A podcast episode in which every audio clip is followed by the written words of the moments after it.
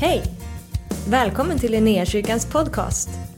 Vi hoppas att det här ordet ska uppmuntra dig, stärka dig i din tro och leda dig in i djupare relation med Jesus.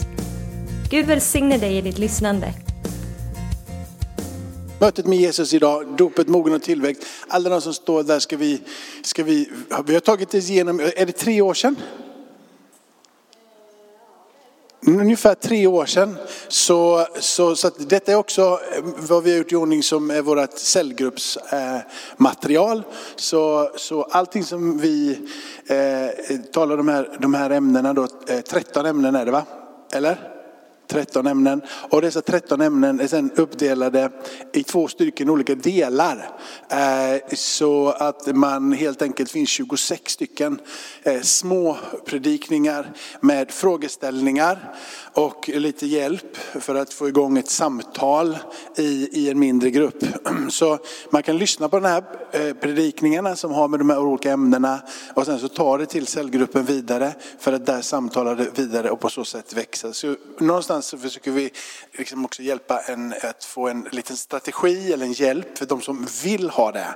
Eh, de, vill man inte vara med i en cellgrupp så behöver man inte vara med i en cellgrupp. Vill man eh, ha en cellgrupp utan att ha Eh, vårt material som vi har gjort igenom så får man jättegärna ha en cellgrupp utan. Men för er som vill ha ett material så har vi gjort i ordning det här. Så eh, blir du sugen på att vara med i en cellgrupp eller du känner att du vill leda en cellgrupp så finns det redan ett material där du kan samla och så kan ni använda er utav, utav det här. Vi landade när vi gick Jona grundbultar, där pratade vi om att vad är det vi vill se är tro och liv. Vad är det som föder tro och liv i församlingen? Och det första som vi satt när vi började prata, jag och Lovisa och vilka mer som var med ibland, det är bara, det är först och främst mötet med Jesus. Och allt folket bara amen. För mötet med Jesus är ju hela, hela skillnaden. Ah, jag hade något samtal här i veckan med en person när vi pratade och han bara, det är så fantastiskt med Jesus och budskapet om frälsning och så la han ut en stor, lång, jätte liksom, utläggning om hur underbart det är det här med frälsningen när man förstår den. Och jag sa till honom att fantastiskt, men för du behöver inte förstå frälsningen. Jo, liksom. Ja, men, för, för, du, Jesus har dött och han har uppstått. Och det gjorde han för 2000 år sedan. Men han behöver dö och han behöver uppstå i ditt hjärta. Han bara, nej men, nej, men det är när vi, det vi, när vi har tagit emot den här undervisningen, när vi förstår den, det är då frälsningen blir sådär. Det var inte det som frälste dig, att du förstod vad som har hänt. Det var att han dog på ett kors och uppstod ifrån de döda som har frälst dig. Det är därför som du inte behöver förstå någonting, men du behöver ropa på den namn som är över alla andra namn. Det är inte kunskapen om honom som har frälst dig. Det är inte ens i grund och botten din tro som har frälst dig. Även om tro är det du tillämpar och riktar mot honom. Det är att han har dött och att han har uppstått som frälser dig. Evangelierna, de är så fantastiska, blöd min vän ut och det var så härligt att läsa den. Och gick vidare och pratade om Paulus och all, och liksom jag bara, men, men du vet att innan evangelierna, innan Paulus skrev en enda text så hade Jesus dött och så hade han uppstått ifrån de döda. Men du, min vän, när Jesus är där på korset. Och det finns en snubbe som är jämte honom. Som sätter all sin tillit till han som hänger på ett kors. Så säger Jesus till honom, du är idag med mig i himmelriket. Mötet med Jesus är det som är det centrala för våra liv. Det är det som är förvandling. Kunskap hjälper oss inte någonstans. Kunskap leder ofta till att vi blir uppblåsta och stolta och som ofta landar i egen rättfärdighet. Se på mig, jag kan citera Bibeln, eller se på mig vad jag har med mig på resan. Det är få teologer som landar i det enkla namnet Jesus. Men det är många människor ute på gatan när de känner att det biter i deras hjärtan som inte ropar på teologi men ropar på namnet Jesus. När blev teologi viktigare än Jesus? När blev den rätta läran viktigare än Jesus? Mm, vad gick vi vilse när allting ska vara tillrättalagt och perfekt? När inget av det kan hjälpa och frälsa, bara namnet Jesus kan hjälpa och frälsa. Därför är mötet med Jesus det mest centrala, det mest enkla, det mest kärnfulla som vi kan prata om och som vi kan hjälpa människor in i. Hur får du det mötet då? Måste du predika först? Så att det vi läser om i Romarbrevet, att utan predikan så finns det ju ingen tro. Så vi måste predika, annars finns det inte. Som om läraren hjälpte på vägen. Och som att läran i sig själv gör att tro växer. Tro växer när du kapitulerar inför det namn som är över alla andra namn. När du böjer dig för namnet Jesus, när du igenkänner hans storhet och hur liten du är. På den platsen så lägger han sitt frö på din insida. Det kallas Guds rike.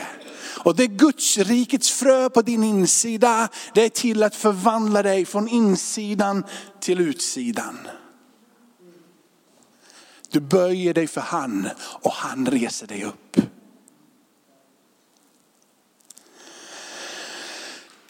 Så här säger, jag, får jag läsa några bibeltexter för er så ska jag predika lite grann eh, också någonstans på resan. Men det här bygger det här, vi bygger det här på det här. Från så här står det från Johannes evangeliet. Så älskade Gud världen att han utgav sin enfödde son för att var och en som tror på honom inte ska gå förlorad utan ha evigt liv. Bara stanna där. Det är honom. Tro på honom. Jag kan, inte, jag, kan inte, jag kan inte se någonting annat än att det står att jag ska tro på honom. Jag fattar inte ens vad det är jag tror på, men jag tror på honom. Jag kan inte förklara det. Jag hajar inte. Det där med treenigheten, det där med att Jesus är både Gud och att han är människa. Jag greppar ingenting. Jag förstår ingenting det där med skapelsen. Jag förstår inte vem han riktigt var. Men jag lägger min fulla tillit till honom. Jag tror på honom.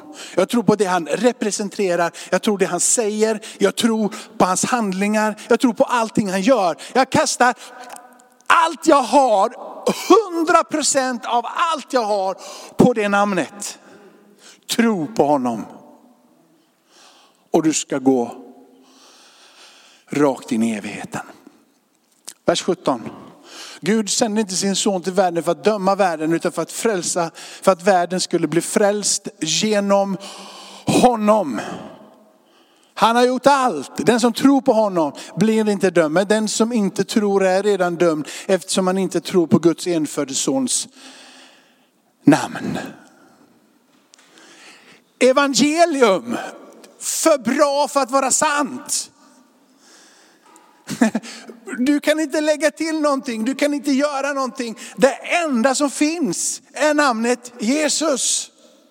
Namnet Jesus.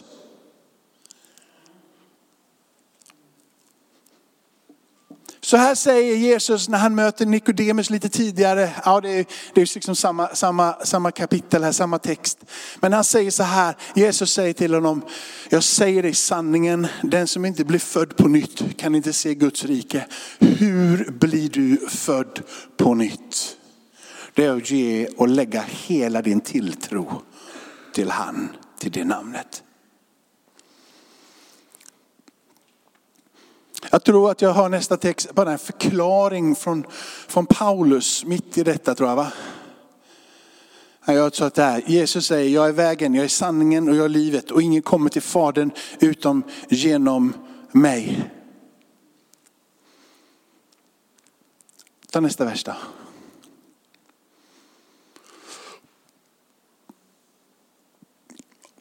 Har jag, har jag inte lagt Efesierbrevet efter det här så vill, skulle jag gärna vilja det. Då. Där. Av nåden är frälsta genom tron, inte utav er själva, Guds gåva är det. Inte på grund av gärningar för att ingen ska berömma sig. Utan det ligger helt och hållet på honom. Paulus är underbar. För Paulus hjälper oss förstå det som har skett och det som har hänt. Så utan Paulus så skulle vi inte kunna förklara vår frälsning så som vi kan förklara det. Och gemensamt tillsammans med alla syskon och bröder som finns, hela Guds församling, få ett och samma språk, ett och samma riktning. En liksom förklaring hur vi ska förhålla oss till varandra, hur vi ska förhålla oss till tron och hur vi bevarar och låter tron växa i dess heliga gemenskap. Så vi behöver fullt ut allting det som Paulus har skrivit för att kunna vara den församling som vi kallar att vara i relation till Gud och relation till varandra. Så vi kan inte plocka bort någonting. Bara säga nu bara ropa på namnet Jesus och släpper allting. Vi behöver fullt ut allting det som Paulus har gett oss. För varje ord som är skrivet i evangelierna och alla andra böcker, brev i nya testamentet och allting som finns i gamla testamentet är fullt ut inspirerat utav Gud. Det är till hjälp, det är till nytta, det är evigt och det kommer ifrån han. Så vi behöver varenda ord som är nedskrivet. Hur skulle vi annars kunna förstå nåden i dess liksom fulla dimension utan att Paulus fick tala inspirerad utav den heliga ande. Och så kan vi förklara det. Men tron växer till liv när evangelierna får matas på din insida. Berättelsen om Jesus och kapitulationen inför hans namn är det som föder tro, ger tro och låter tron få näring och liv. Evangelierna är den platsen där tro får matas in på din insida och du blir ett med evangeliet och du kan kasta din fullständiga tillit till honom. Jesus säger till när han stiger in i den här världen i Markus. Markus. Efter att Johannes hade blivit fängslad kom Jesus till Galileen och han förkunnade Guds evangelium. Och han sa det, tiden är inne, Guds rike är nära, omvänd er och tro på evangeliet. Omvänd er, först och främst så är det inte en omvändelse bort ifrån allting som, dål, som är dåligt. För det är det vi ofta använder. Vi vänder oss bort från allting som är dåligt för att göra massor med grejer som är bra. Det är inte omvändelse. Det är också omvändelse, men det är inte bara omvändelsen Omvändelse, det är att vända sig bort ifrån sitt system av tänkande, av talande, av handlande. Allting som har format dig ifrån en tanke till ord till handling. De saker och ting som inte talar om för dig allting det som Gud säger att du är. Och Gud säger att han är. Så evangelium är att tro allting det som Jesus säger om vem Gud och vem du är i hans ögon. Det är därför han säger, omvänd er ifrån ert eget sätt att förhålla er till den här världen. Omvänd er i tanke, omvänd er i sinne, omvänd er i tal, omvänd er i handling. Agera inte på det sättet. Och det börjar för övrigt inte med att du slutar att vara dum för att börja bli bra. Omvändelse börjar med att du slutar tänka att Gud inte är god till att börja tänka att Gud är god. Det börjar med att du tänker att det finns ingen frälsning till att säga att det finns en frälsning. Det fortsätter med att säga att Gud inte bara är god utan Gud älskar mig. När huvudet blir fyllt med det som är sanningen så blir du transformerad. Det är det som är fröet. Så du omvänder dig från helt enkelt jag, mig och mitt och jag är universums centrum. Och så säger de, jag fattar, det är inte att jag är i centrum, det är att du är i centrum.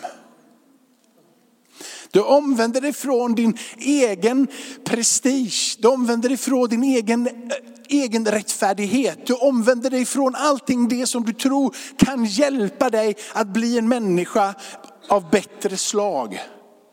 och så sätter du din tillit till honom. Du vänder dig bort. Vi hittar en ny källa till liv, en ny kanal, en ny inspirationsriktning. Du finner att jag vill vända min fulla uppmärksamhet till vem Gud är. Och där få veta vad evangelium är. Någonting som är för bra för att vara sant.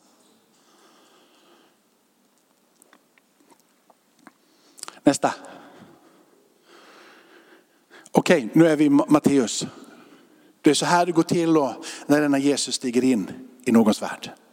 Jesus gick vidare därifrån och såg en man som hette Matteus sitta vid tullhuset. Han sade till honom, följ mig.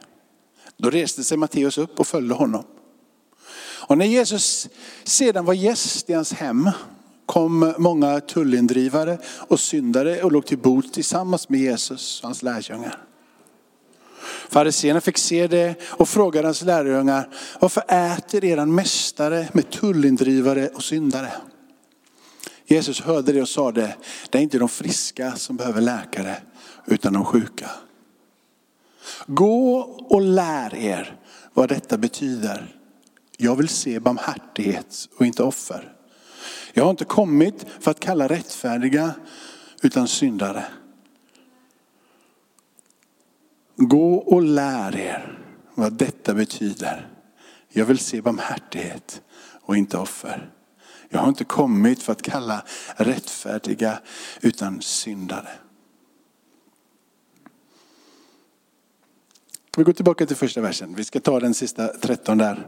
Men vi värmer upp med vers 9 först. Matteus, vem är Matteus? Inflyttningsrik, ja på sitt sätt. Inte i, den, inte i den judiska kretsen, även om han är jude så är han inte inflyttningsrik i den judiska kretsen. För han är lite av en förrädare. Som tar tjänst för att samla in pengar ish åt romarriket. Han, är, han driver in skatt, han, han tar säkert för mycket ibland och han gör det på sitt sätt så han skor sig på det. Därför så är han en man som inte är speciellt hö, högaktad.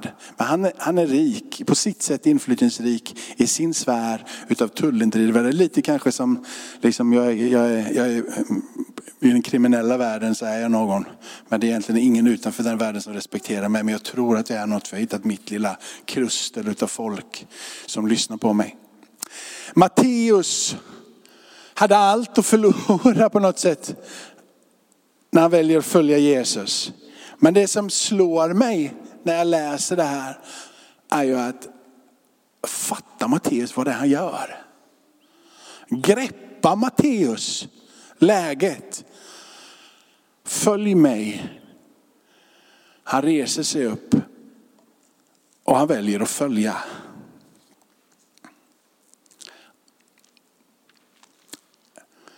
När jag läste det så påminner jag om Abraham gamla testamentet. Han skulle gå ut ur, ur sitt släkt, sitt land, sin familj. Han fick en riktning och säga gå ditåt. Och det var ju en trosresa som hette duga som började med att han först lämnade upprepade tillfällen så märker man både i gamla testamentet och nya testamentet förvånansvärt vad alla får lämna. Gå därifrån. Rör dig in i. Det är som om att det finns liksom ingen väg framåt utan att man först lämnar.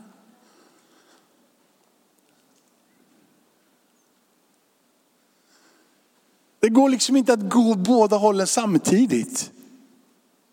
Vi behöver inte lägga massor med värderingar i det. Vi behöver liksom inte slå sönder allting bakåt. Men det är som om att det finns en riktning framåt, bort ifrån. Det som innan har bundit oss, hållit oss instängda, trängda och inte varit till nytta och gagn för oss.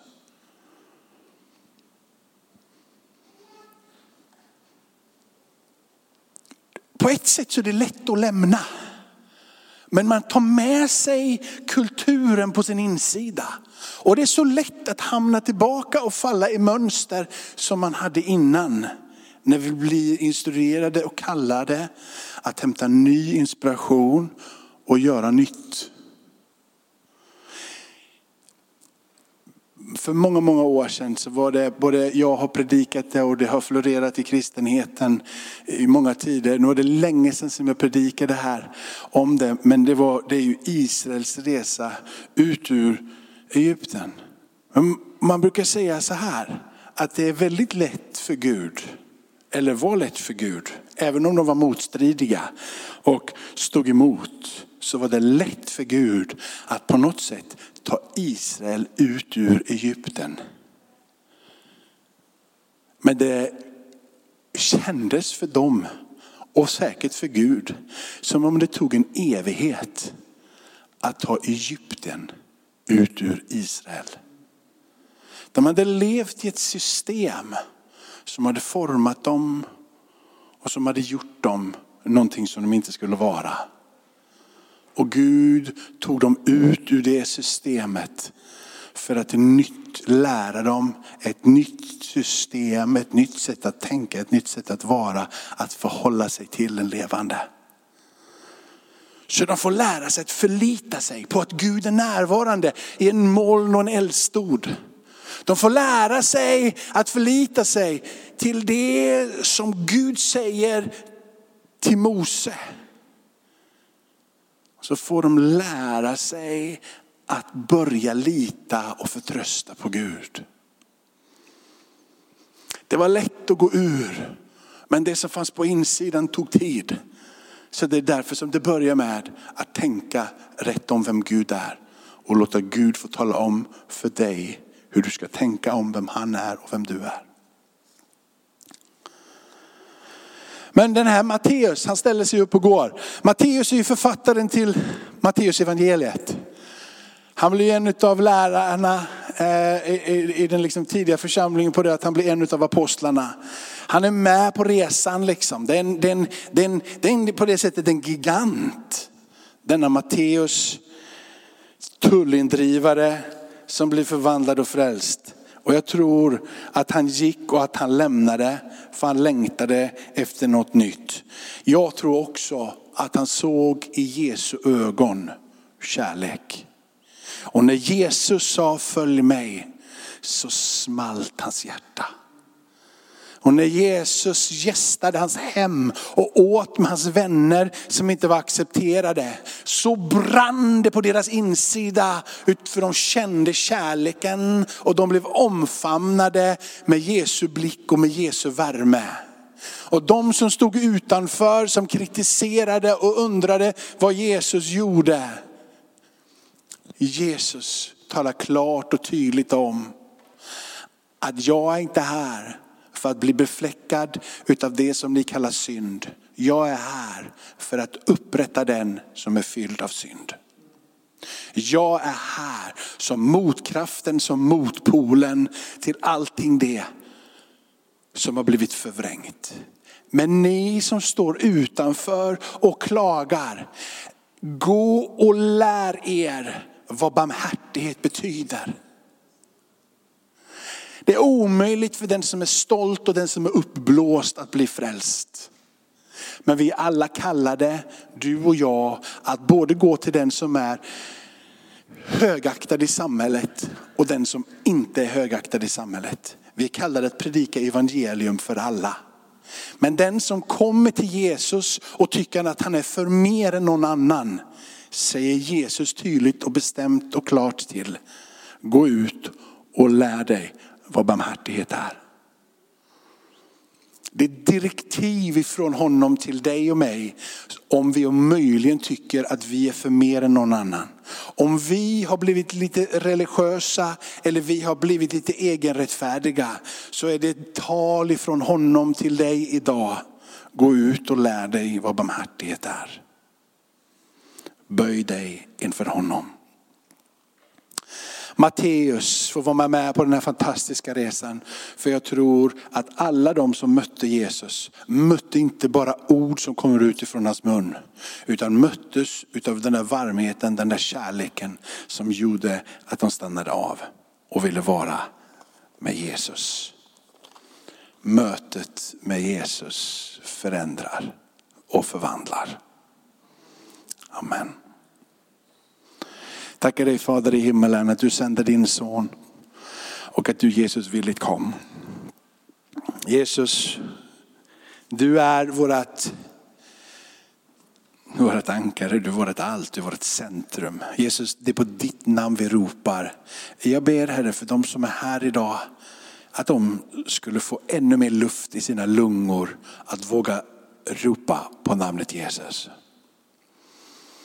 Jesus, fantastiska Jesus. Som bara går in och ställer dig och sätter dig och äter med det som är utanför. Och så bjuder du in alla i ditt rike. Prisa dig Herre för att idag så möter du med den som är trött, du möter med den som är stark, du möter med oss alla, vad vi ropar på det namnet Jesus.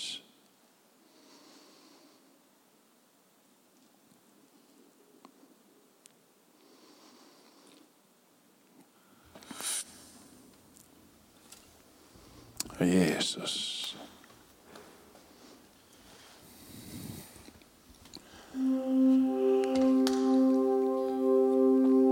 Så här står det i Romarbrevet. För om du med din mun bekänner att Jesus är Herre och i ditt hjärta tror att Gud har uppväckt honom från de döda ska du bli frälst.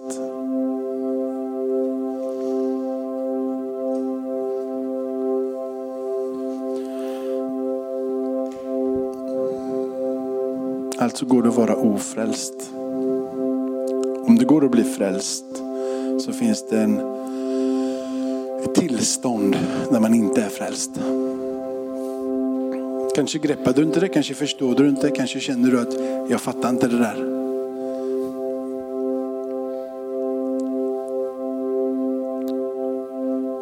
Någonstans så är det väl som med allting annat. Tar tid ibland att förstå och greppa och framförallt att växa.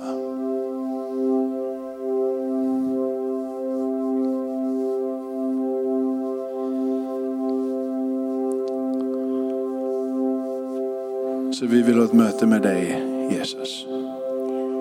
Jesus, jag tror att du är Guds son tror Jesus att du dog. Jag tror att du uppstod ifrån de döda. Och jag sätter hela min tilltro till dig.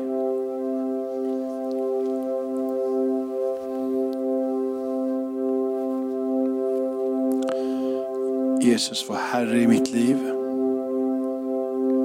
Jesus var Herre i den här församlingen. Jesus var Herre i Göteborg. Jesus var Herre i världen. Jesus, du är konungarnas konung och du är herrarnas Herre. Tack för att du är konung och Herre i Israel. Tack för att du, Herre, kommer med din frid just nu över det som börjar lukta krig och förödelse. Tack för att du är konungarnas konung och fridsförsten i Ukraina.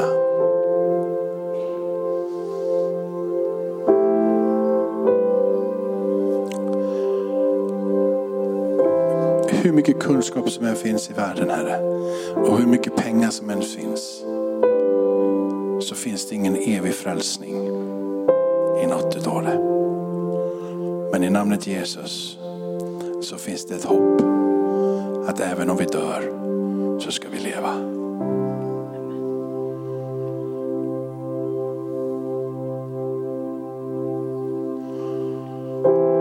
Sitt kvar eller stå upp, förebedjare kan göra sig redo. Så sjunger vi och ber för varandra här på slutet av gudstjänsten.